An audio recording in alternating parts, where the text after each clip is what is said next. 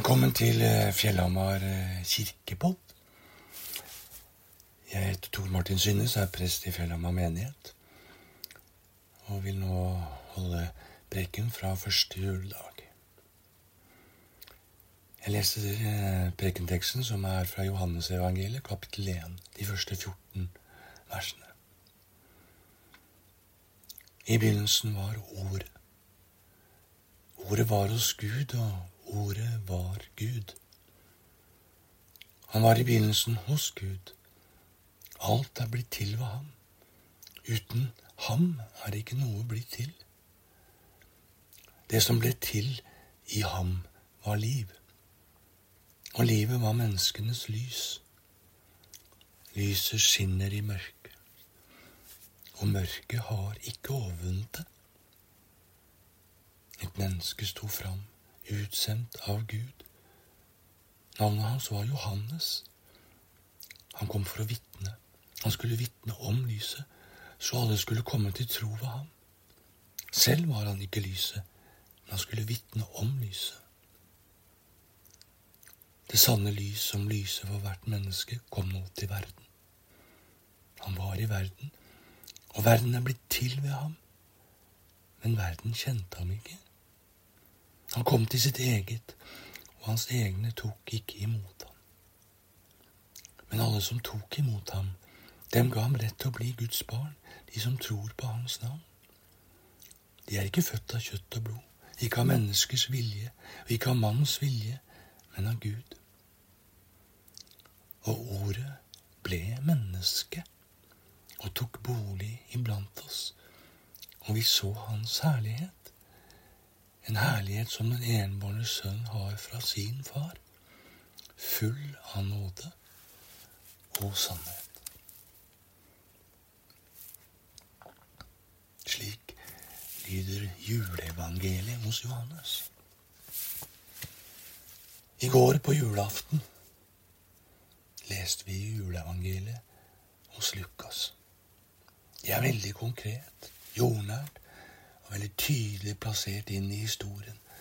Det skjedde i de dager at det gikk ut befaling fra keiser Augustus. Når Kvirinius var landshøvding i Syria. Det var Josef og Maria på reise fra Nazar til Galilea. Og det var gjetere på nattevakt.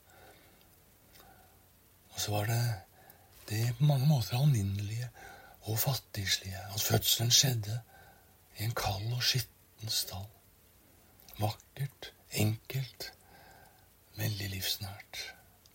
Og kanskje lik vel mange fødsler i vår verden.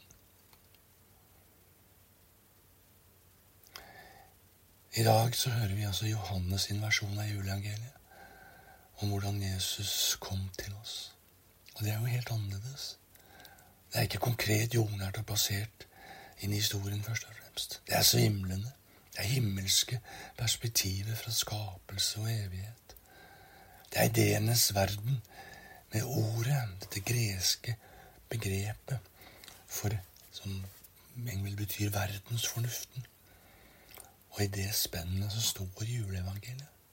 Fra en fødsel i en skitten stall til skapelse og evighet.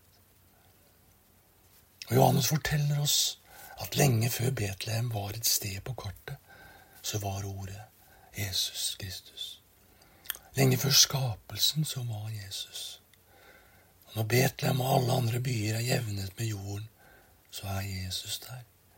Ja, når menneskenes tid er ute og solen brent opp, så lyser Jesu navn. Og Samtidig forteller Lukas oss at han er en pleietrengende og hjelpeløs baby. En vilter og energisk guttekropp en kvisete, hengslete tenåring i pubertet og stemmeskifte.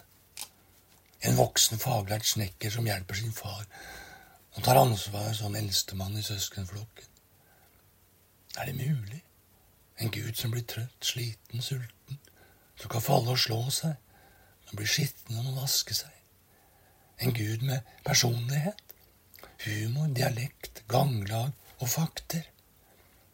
Ja, et menneske å, Gud, er det mulig?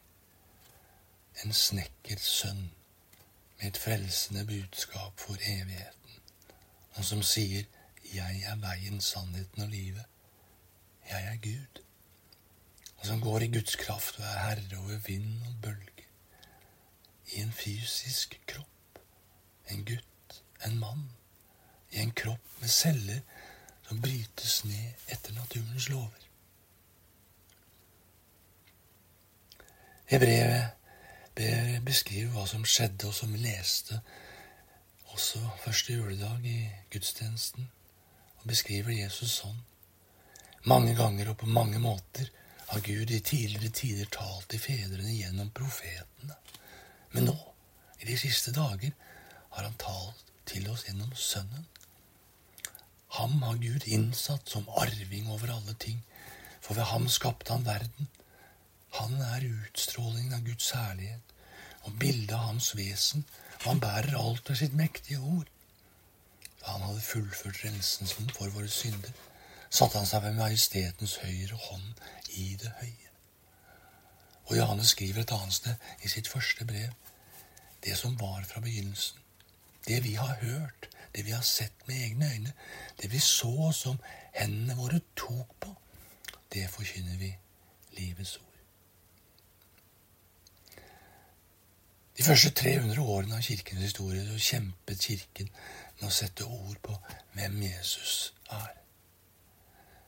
Og Det var en kamp mellom ulike vektlegginger, retninger, hvor noen vektla Jesu guddom, vi kunne si Johannes sitt juleevangelium, slik at hans menneskelighet, menneskelighet altså vi kunne si Lukas sitt juleevangelium, ble eh, svekket. Også motsatt. Noen vektla det menneskelige så det guddommelige ble svekket.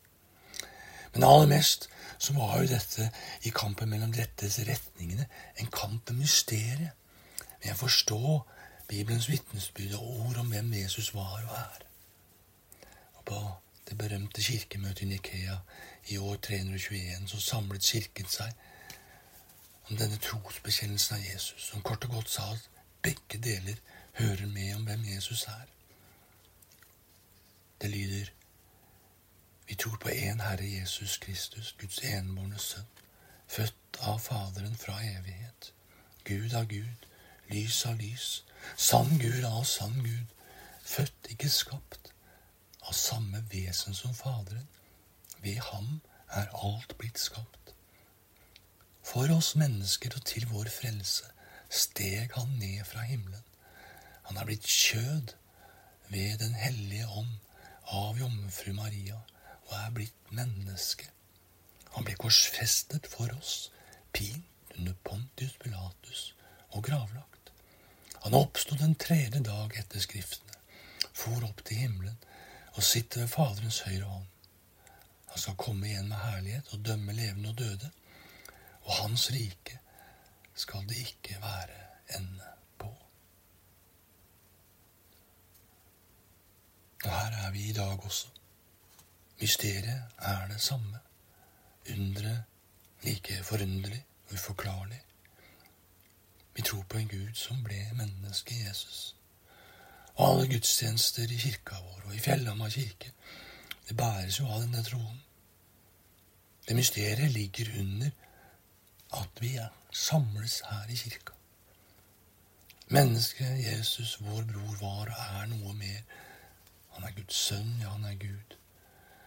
I det mysteriet står kirka. Men vi står der jo alle hver og en med hva vi tror og tenker om dette mysteriet. Til slutt, i det vi leste fra Johannes i kapittel 1, står det at vi, vi så Hans herlighet. Det er litt lettere å gripe, syns jeg. Det kan jeg gripe litt av. For jeg har fått se et lite glimt av Guds herlighet i Jesus. Gjennom Bibelens fortellinger om Jesus om hvem han var, og hva han gjorde og sa, så har et bilde av Guds herlighet truffet og grepet meg. Og det, det bildet kan ikke sies egentlig mer treffende enn det gjøres av Johannes her. Vi så hans herlighet, en herlighet som den enbårne sønn har fra sin far, full av nåde og sannhet. Og nåde og sannhet er på mange måter kjernen i det jeg har fått lov å se og bli grepet av hos Jesus. Han viste med sitt liv og sine ord så mye nåde til de han møtte. Jesus sa at han kom ikke for, å, for de friske, men de syke. Og han fikk kallenavnet synderes venn. Og de holdt seg nær til ham. Hvorfor? Fordi han var nådig, raus og barmhjertig. Han sa, heller ikke jeg fordømmer deg. Gå bort, og synd ikke mer. Og dermed, med det svaret, med de ordene, så var jo sannheten der også. Midt i nåden. For det er noe som er sant. Det finnes en sannhet.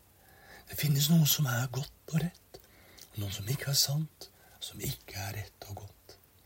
Det finnes synd. Det finnes brudd på Guds rene og gode vilje. Det finnes en Gud, en skaper, en frelse, et godt liv som Gud ønsker for oss og kaller oss til. Og det er et liv preget av kjærlighet og nåde. Og det mest sentrale vi kan si om sannheten fra Gud og om Gud, det er jo det at Gud er nåde og kjærlighet. Nåde og sannhet. Et ordpar av en annen verden. Og det er et gudsbilde til å leve med og tro på. De utfyller hverandre de, og gjør hverandre på mange måter komplette og fullkomne. Sannhet aleine, det blir lett, hardt og nådesløst. Da faller jeg lett og fort igjennom og er sjanseløs hvis Guds sannhet om rett og galt er det eneste jeg skal måles opp mot. Men sannheten fra Gud kan aldri bli nådesløs. Fordi det er en sannhet ikke minst om Guds nåde, om Guds raushet og Hans vilje til å gi meg nye sjanser. Nåde aleine blir massent, uten kraft til å sette meg fri. Det tar ikke livet og det onde og urettferdigheten på alvor. Og det tar ikke Jesu offer og død på alvor. Det er nåde hvis alt er like sant, like rett, like gyldig? Hva trenger vi nåden til hvis det ikke er noe å få nåde for i praksis? Hva trenger vi nåden til hvis det ikke er et oppgjør? Jeg opplever på mange måter at i dag så er, er nåde lett. Det er det folk vil ha, og det jeg vil ha. Det er det vi vil høre. Og den trenger vi alle. Men sannhet Sannheten er vanskeligere. Det må vel være der på et vis, men ikke gjør den for konkret og nærgående. Bare hvis den passer inn. Sannheten er befriende, men den er også avslørende og utfordrende. Nåde og sannhet må holde sammen. Da blir ikke nåden massen og lett. Kjærligheten og forpliktelsen på sannheten gjør at nåden vokser, koster. Når sannhet, Guds gode vilje, kjærlighet, brytes ned, ødelegges, og mennesker skades og merkes, ja, kanskje for hele livet, så koster nåden. Når noen jeg er glad i, blir dårlig behandlet, såret, kanskje må leve med skader på sjel og kropp resten av livet, ja, da koster nåden, da koster tilgivelsen. Det kostet for Jesus. Og det koster for oss å stå i spillene mellom nåde og sannhet når vi møter livet, og når vi skal møte hverandre og leve sammen. For det er det nåde trengs til å greie å komme videre når det onde har skjedd imellom oss enda en gang. Da blir ikke nåden lett. Og så blir ikke sannheten så vanskelig sammen med nåden. Fordi den alltid kommer sammen med nåden. Og det, dette paret, nåde og sannhet, det er Guds herlighet som Jesus viste oss. Det er kristen tro. Å leve midt i en verden med godt og vondt, med sannhet og nåde, som blir tatt på alvor fullt ut begge to, men som er avhengig av hverandre og utfyller hverandre. Det viste Jesus oss. Det levde han ut for oss. og det døde oppsto han for. I julen så feirer vi at himmelen kom til jord. Det er jo og blir et krasj. Den hellige, rene, allmektige Gud kommer ned til deg og deg, mennesker på godt og vondt, i en verden som herjes av både godhet og også mye ondskap. Det er to ulike verdener som møtes. Det kan bare møtes. Det kan bare møtes med nåde og sannhet sammen. Og det er den herligheten jeg ser hos Jesus. Nåde og sannhet. Og der er det plass til meg. Og der er det håp for meg. Og Derfor er julens budskap så vakkert. Gud kommer nær til meg og deg. Det beste vi kan gjøre, er å lytte til mysteriet. Og gå inn i det og åpne oss for det. Og lovsynge og tilbe vår store Gud, Han som er full av nåde og sannhet. Gledelig jul. Herren velsigne deg og bevare deg. Herren la sitt ansikt lyse over deg og være deg nådig.